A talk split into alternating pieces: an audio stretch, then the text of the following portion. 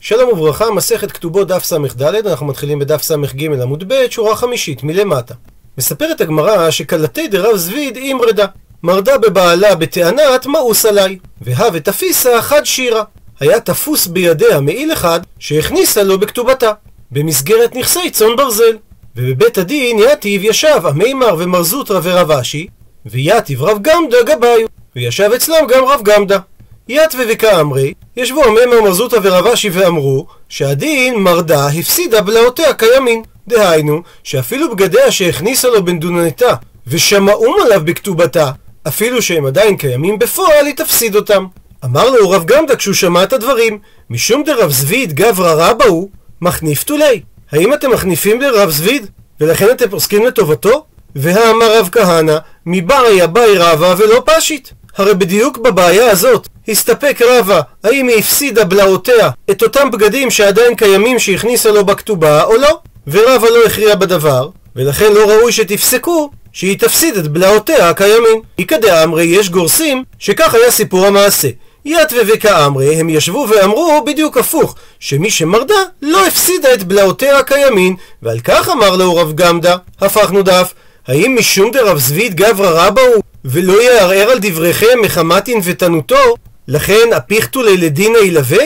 לכן אתם פוסקים לחובתו? האמר רב כהנא, מבעיה באי לרבא ולא פשיט. והרי בבעיה הזאת הסתפק רבא ולא פשט אותה. מסביר תוספות שלפי הלישנה הזאת מדובר שהם רצו להוציא מהבעל את הבגדים שהיו תחת ידו. ואמר להם רב גמדא, אם רבא לא הכריע בדבר, אז אמנם את המעיל שהיא תפסה לא מוציאים ממנה, אבל את הבגדים שתחת יד הבעל אתם לא יכולים להוציא ממנו. הוא מסכם את הגמרא, השתא אז עכשיו דלא יתמר לא הכי ולא הכי, שלא נאמרה מה ההלכה לגבי בלעותיה הקיימין של המורדת, תפסה תחת ידיה את בלעותיה לא מפקינן מינה, לא מוציאים את זה ממנה, אבל אם לא תפסה את בלעותיה תחת ידה, לא יאבינן לה, לא מביאים לה אותם.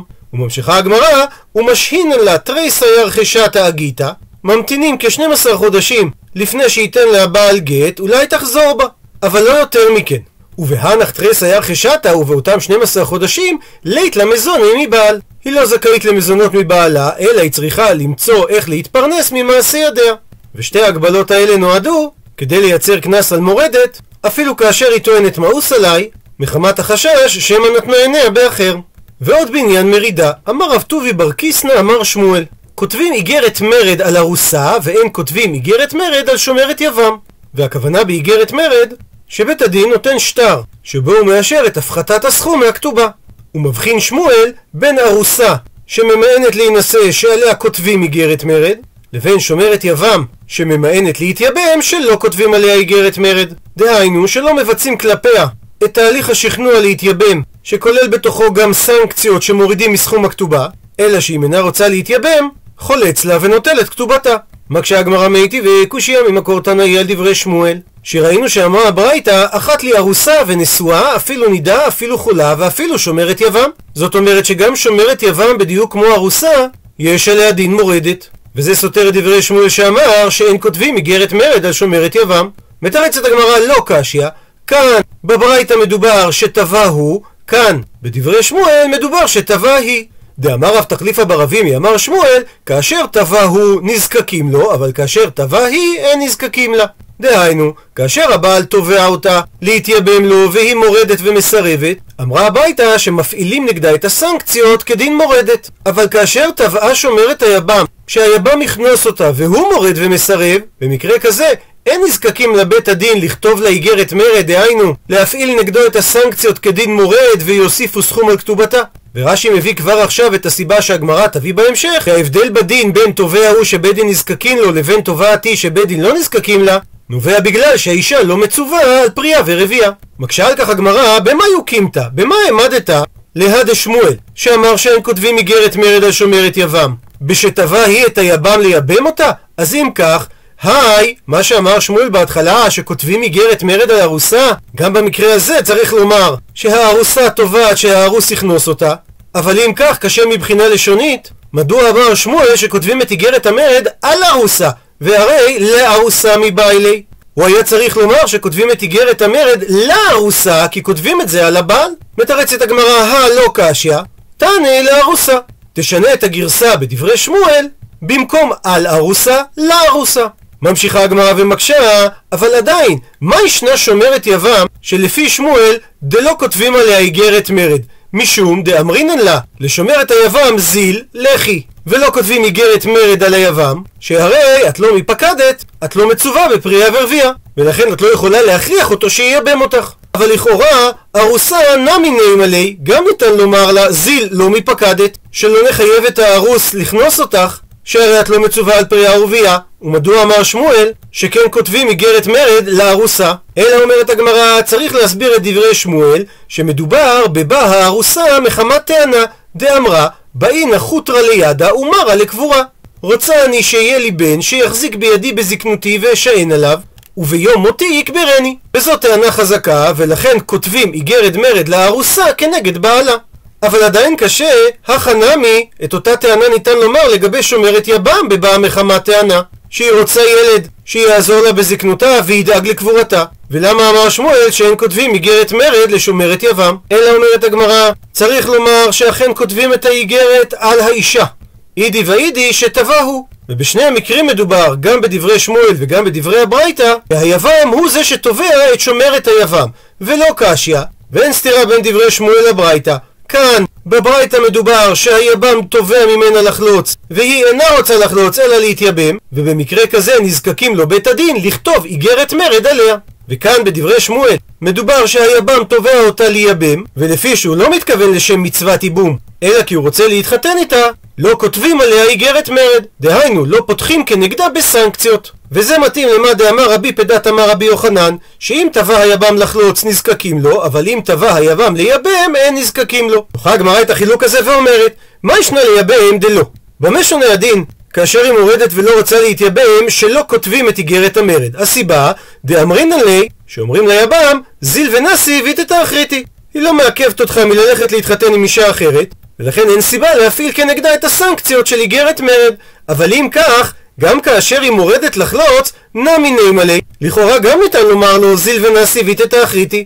היא לא מפריעה לך מללכת להתחתן עם אישה אחרת, ואם כן, מדוע אמרה הברייתא שמפעילים כנגדה את הסנקציות של איגרת מרד? אלא אולי תרצה להסביר שהיא פוגעת בסיכויי הנישואים שלו, דאמר שכיוון דאגידה בי לא כיאהבו לאחריתי? שכיוון שהיא קשורה בזיקת ייבום אליי, לא נותנים לי להתחתן עם אחרת כי אף אישה לא מסכימה להתחתן איתי, מהחשש שבהמשך אני אייבם את היבמה?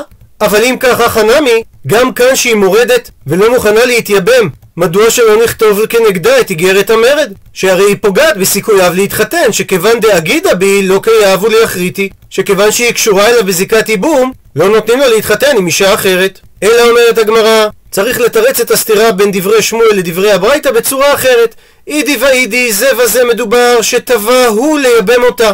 ולא קשיא, כאן בברייתא הפסיקה היא כמשנה ראשונה ולכן יש לה דין מורדת, כאן בדברי שמואל הפסיקה היא כמשנה אחרונה ולכן אין לה דין מורדת. דתנן שכך שנינו במשנה במסכת בכורות. מצוות ייבום קודמת למצוות חליצה. זה היה בראשונה, כשהיו מתכוונים לשום מצווה. אבל עכשיו שאין מתכוונים לשום מצווה, אלא מעורבים שיקולים כמו לשם אישות או לשם ממון, אז אמרו שמצוות חליצה קודמת למצוות ייבום. ולכן הברייתא אמרה שיש עליה דין מורדת שהרי מצוות ייבום קודמת למצוות חליצה, ושמואל שאמר שאין עליה דין מורדת, אמר את דבריו לפי הפסיקה העכשווית שמצוות חליצה קודמת למצוות ייבום. ציטוט מהמשנה עד מתי הוא פוחת וכולי, וגם כאשר הבעל מורד על אשתו, רבי יהודה אומר שמוסיפים לכל שבוע סכום של שלושה טרפיקין. שואלת הגמרא, מהי טרפיקין? עונה על כך, אמר רב ששת, שטרפיק זה אסתירא, שווי של סלע שיוצא באותה מדינה. שואלת הגמרא, וכמה זה האסתירא? עונה הגמרא, פלגא דזוזא. חצי מהשווי של זוז צורי, דהיינו מטבע זוז שיוצא בעיר צור, שהוא שווה שש מאה כסף. זאת אומרת שטראפיק שווה שלושה מאות. מביאה הגמרא סייעת על הדבר תניא נמי אחי, שנינו כך גם בברייתא. שרבי יהודה אומר שכל שבוע מוסיפים לה על כתובתה סכום של שלושה טראפיקים שהן תשע מין ועל פי מה שהגמרא תגיד בהמשך שהסכום הזה מתחלק על ששת ימי המעשה ולא על יום השבת הרי שתשע מין חלקי שש שווה מאה וחצי לכל יום נחזור על שתי החשבונות בטבלה הבאה רב ששת אמר שטראפיקין זה אסתירה דהיינו מטבע בשווי סלע שיוצא באותה מדינה, שהוא שווה לחצי זוז צורי. המטבעות שהיו מטביעים בעיר צור היו מטבעות מכסף טהור, ולכן הם היו שווים פי שמונה ממטבעות מקומיים באותו משקל וגודל שהיו עשויים משמינית כסף טהור ועוד שבע שמיניות נחושת. אז אם מטבע של סלע מדינה שווה לארבעה מטבעות של זוז מדינה, ומטבע של זוז מדינה שווה לשמינית זוז מטבע צורי, אז מטבע של אחד סלע מדינה שווה לחצי מטבע זוז צורי. והביאה הגמרא סייעתא לדברי רב ששת מדברי רבי יהודה בברייתא, שאמר ששלושה טרפיקין זה תשע מעות, וכפי שאמר רש"י, אחד מטבע זוז צורי שווה לשש מעות כסף, ולפי זה אחד טרפיק שווה לחצי מטבע זוז צורי. וראינו שיש שני הבדלים בין קנס מורד לקנס מורדת. ההבדל הראשון בסכום עצמו, וההבדל השני עבור איזה ימים בשבוע מקבלים את הקנס. ועל כך אמר ליה, שאל רב חייא בר יוסף לשמואל, מאי שנא איהו דיהבינן ליה דשבת, ומאי שנא איהי דלא יהבינן לה דשבת? מדוע שונה הדין כשהיא מורדת עליו שהוא מקבל קנס גם עבור יום השבת, שהרי הוא מקבל סכום של שבעה טראפיקי לשבוע, דהיינו טראפיק על כל יום. ולעומת זאת כשהוא מורד עליה, היא מקבלת סכום של תשע מעין מעה וחצי לכל יום, דהיינו רק עבור ששת ימי המעשה, ולא עבור יום השבת. עונה לו על כך שמואל, איהי דמיפחת קא פחית לא מיחזי כשכר שבת, איהו דאוסופק המוספה, הפכנו דף, מיחזה כשכר שבת. דהיינו, את סכום הקנס שלה מורידים מסכום הכתובה, והפחתה כזאת היא לא נראית כשכר שמשולם עבור יום השבת, שעליו יש גזירה שהוא אסור משום שאנשים יכולים להגיע לידי מקח וממכר ושכירות בשבת. לעומת זאת, קנס שמוטל על המורד זה סכום שמוסיפים על כתובתה של האישה, ולכן זה נראה כשכר שבת, והדבר אסור. ושואל על כך תוספות, הרי שכר שבת על ידי הבלעה מותר. כמו שאומרת הגמרא בבבא מציע, שאם אדם היה שכיר שבת, או שכיר חודש, או שכיר שנה, אז ניתן להבליע לו במשכורת גם את שכר השבתות. מסביר תוספות, שבמקרה שלנו, אין פה עניין של הבלעה, שהרי אם מתפייס הבעל היום או מחר באמצע השבוע, אז לא מצרפים את כל ימי השבוע זה עם זה, אלא כונסים אותו על מה שהוא מרד בכל יום ויום. ואם כך, הקנס על יום השבת ניכר בפני עצמו והוא אסור. ולגבי ההבדל השני אמר לי, שאל רב חייא בר יוסף לשמואל, מה בין מורד למורדת? מסביר רש"י, מדוע כשהוא מורד אינו נותן אלא חצי טראפיק ליום, לעומת זאת כשהיא מורדת, היא נותנת טראפיק שלם ליום. עונה לו, אמר ליה שמואל, צא ולמד משוק של זונות. מי שוכר את מי? הווה אומר, האיש שוכר את האישה. שמע מינה שצערו של האיש מרובה מצערה של האישה. תשובה נוספת, דבר אחר, זה יצרו מבחוץ וזו יצרה מבפנים. כאשר אישה מורדת בבעלה, יכול הדבר לגרום שהאיבר שלו יתקשה וזה יהיה ניכר כלפי חוץ והוא יתגנה. מה שאין כן כאשר הבעל מורד על אשתו, גם אם היא מתאווה לתשמיש, היא יצרה מבפנים ואין הדבר ניכר כלפי חוץ והיא לא מתגנה. ואומרת המשנה, המשרה את אשתו על ידי שליש, דהיינו שהבעל נותן את מזונותיה בבית האפוטרופוס והיא לא מתגלגלת עמו, לא יפחות לה משני קבין חיטין או מארבעה קבין שעורין. ועל כך אמר רבי יוסי, לא פסק לשעורין אלא רבי ישמעאל שהיה סמוך לאדום. והגמרא בהמשך תסביר למה הוא מתכוון. ובנוסף לכך, ונותן לה חצי קב קטנית וחצי לוג שמן וקו גרוגרות, או מנה דבלה. הוא מסביר רש"י, גרוגרות זה תאנים יבשים, ודבלה זה תאנים שדרוסות בעיגול, ונמכרות במשקל. ואם אין לו גרוגרות או דבלה, אז פוסק לעומתן פירות ממקום אחר. ובנוסף לכך, ונותן לה מיטה, מפץ ומחצלת, הוא מסביר רש"י שהמפץ הוא שטיח רך ממחצלת, ובנוסף, ונותן לה כיפה לראשה, דהיינו צעיף אחד משנה לשנה, וחגור למותניה ומנעלים ממועד למועד, דהיינו מנעלים חדשים לכל שלושת הרגלים. ובנוסף לכך, וכלים, דהיינו בגדים, בשווי של 50 זוז משנה לשנה. ואומרת המשנה שגם עיתוי הנתינה חשוב, ואין נותנים לה לא כלים חדשים בימות החמה, ולא כלים שחקים בימות הגשמים, אלא נותן לה כלים של 50 זוז בימות הגשמים, ואז הבגדים הם חמים ויפים לה לימות הגשמים שהם קרים, והיא מתכסה בבלעותיהן בימות החמה. שאז הם כבר לא חדשים והם לא קשים לה כי הם לא מחממים אותה יותר מדי בימים החמים. וכאשר הוא קונה לה בגדים חדשים, והשחקים שלה, הבגדים הישנים הם רכושה. ובנוסף לכך הוא נותן לה מעה כסף לצורכה לכל שבוע לדברים קטנים, ובנוסף לכך ואוכלת עמו מלילי שבת ללילי שבת, שזה ליל עונתה, ואם אין נותן לה מעה כסף לצורכה, אז מותר מעשה ידיה שלה. ומה המשכורת שהיא עושה לו? משקל חמש סלעים של חוט שתי ביהודה, שהם שווי של עשר סלעים בגליל, או משקל עשר סלעים של חוט ערב ביהודה, שהן שווי של עשרים סלעים בגליל. שזה בדיוק אותו שווי, פשוט חוט השתי קשה לטבותו כפליים משל חוט הערב. הוא מסייג את המשנה, ואם הייתה מניקה, פוחתים לה ממעשה ידיה ומוסיפים לה על מזונותיה. מסיים את המשנה, במה דברים אמורים? בעני שבישראל, שזו החובה המינימלית שלו כלפי אשתו, אבל במכובד, הכל לפי כבודו. ושואלת הגמרא, מאני מתניתין, כשיטת מי משנתנו? לכאורה, לא כרבי יוחנן בן ברוקה ולא כרבי שמעון. דתנן, שכך שנינו במשנה במסכת עירובים. כמה שיעורו של עירוב תחומין כדי שאדם יוכל ללכת בשבת או ביום טוב מחוץ לתחום של אלפיים אמה, הוא יכול בערב שבת או יום טוב לקנות מקום שביתה במרחק של עד אלפיים אמה מהמקום בו הוא יהיה בכניסת השבת או יום טוב, ומאותו מקום הוא יוכל ללכת למחרת אלפיים אמה נוספים. וכמה שיעורו של עירוב התחומי שצריך להניח, מזון שתי סעודות לכל אחד ואחד מהמשתתפים בעירוב. ומביאה המשנה ארבע דעות, כמה זה שיעור פת של שתי סעודות. דעה ראשונה, מזונו לחול ולא לשבת, דברי רבי מאיר. דעה שנייה, רבי יהודה אומר, מזונו לשבת ולא לחול. וזה וזה, דהיינו, גם רבי מאיר וגם רבי יהודה, מתכוונים להקל. מסביר רש"י, כי רבי מאיר היה רגיל לאכול פת בשבת יותר ממה שהיה אוכל פת ביום חול. כי בשבת הוא היה ממשיך את הפת עם כל המינים הבאים לפניו. ורבי יהודה לעומת זאת, היה אוכל פת ביום חול יותר מאשר הוא היה אוכל פת בשבת, כי בשבת הוא היה שבע במיני מעדנים. והשלישית, רבי יוחנן בן ברוקה אומר, שכמות של שתי סעודות זה שיעור קצוב, דהיינו אובייקטיבי, ולא סובייקטיבי כמו שרבי יהודה ורבי מאיר אמרו, והשיעור הוא כיכר הלקוח בפונדיון מארבעה שאים לסלע.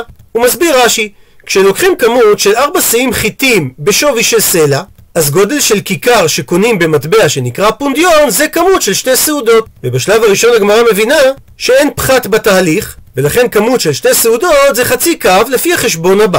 שש מאה כסף שווה דינר. מה שווה שני פונדיונים? זאת אומרת ש-12 פונדיונים שווים דינר, וסלע שווה לארבעה דינרים. מה שאומר שסלע שווה 48 פונדיונים.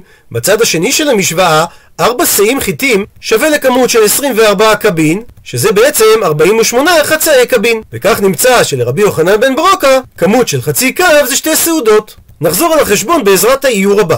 אחד סלע שווה 4 דינרים, כל דינר שווה 600, וכל מעה שווה 2 פונדיונים. מה שאומר שסלע אחד שווה 48 פונדיונים. בצד השני של המשוואה, סלע אחת שווה 6 קבים, מה שאומר שארבע שאים שווים ל-24 קבים, או ל-48 חצאי קבים. אז כאשר כמות של ארבעה שיאים חיטים עולה סלע, כיכר שעולה אחד פונדיון, מכיל כמות של חצי קו.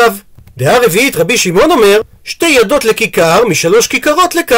הסביר רש"י שלפי זה כמות של שתי סעודות זה שני ידות, דהיינו שני שליש של כיכר, כאשר מכמות של קו חיטין עושים שלוש כיכרות. ולפי זה נמצא שבקו יש כמות של תשע סעודות, שהרי בכל כיכר יש כמות של שלוש סעודות, וקו מכיל שלוש כיכרות. ונחזור על החשבון בעזרת האיור הבא. כאשר מכמות של קו חיטים עושים שלוש כיכרות, אז בכמות של שני שליש כיכר, יש שתי סעודות לצורך העירוב. הוא מסיים את המשנה שבכיכר הזאת ניתן לומר שיעורים נוספים, חציה לבית המנוגה. אדם השוהה בבית המנוגה בצרעת למשך זמן של אכילת פרס, דהיינו לאכילת חצי כיכר, הרי הבגדים שהוא לובש נטמעים, כמו שכתוב, והאוכל בבית יכבס בגדיו.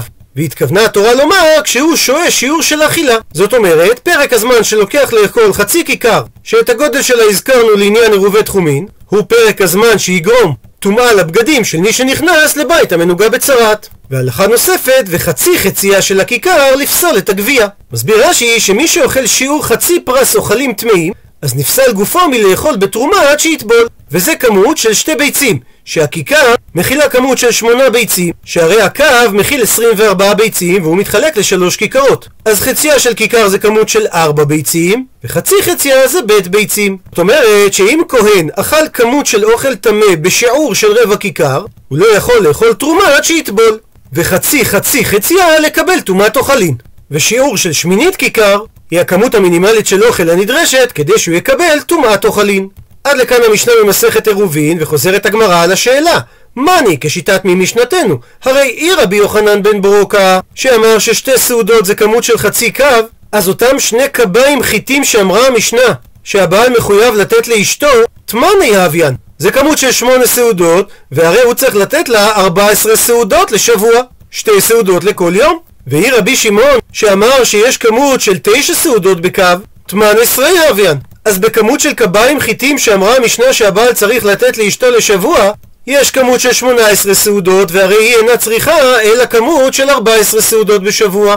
מתרצת הגמרא לעולם משנתנו רבי יוחנן בן ברוקאי, וכדאמר רב חיסדא, צמן שליש לחנווני. יש פחת בתהליך, שלא לקחנו אותו בחשבון. כי רבי יוחנן לא שיער בחצי קו שזה מזון שתי סעודות, אלא הוא שיער בגודל של כיכר הלקוח בפונדיון מן החייבני, והחייבני קנה כמות של ארבע שאים חיטיים בסלע, אבל בשכרו הוא לקח שליש מהכמות. לפי זה, יש בכמות של חצי קו כמות של שלוש סעודות, ושתיים החייבני מוכר בפונדיון, ואת השלישית הוא לוקח בשכרו. זאת אומרת, מכל חצי קו צריך להוריד שליש לשכר החנווני.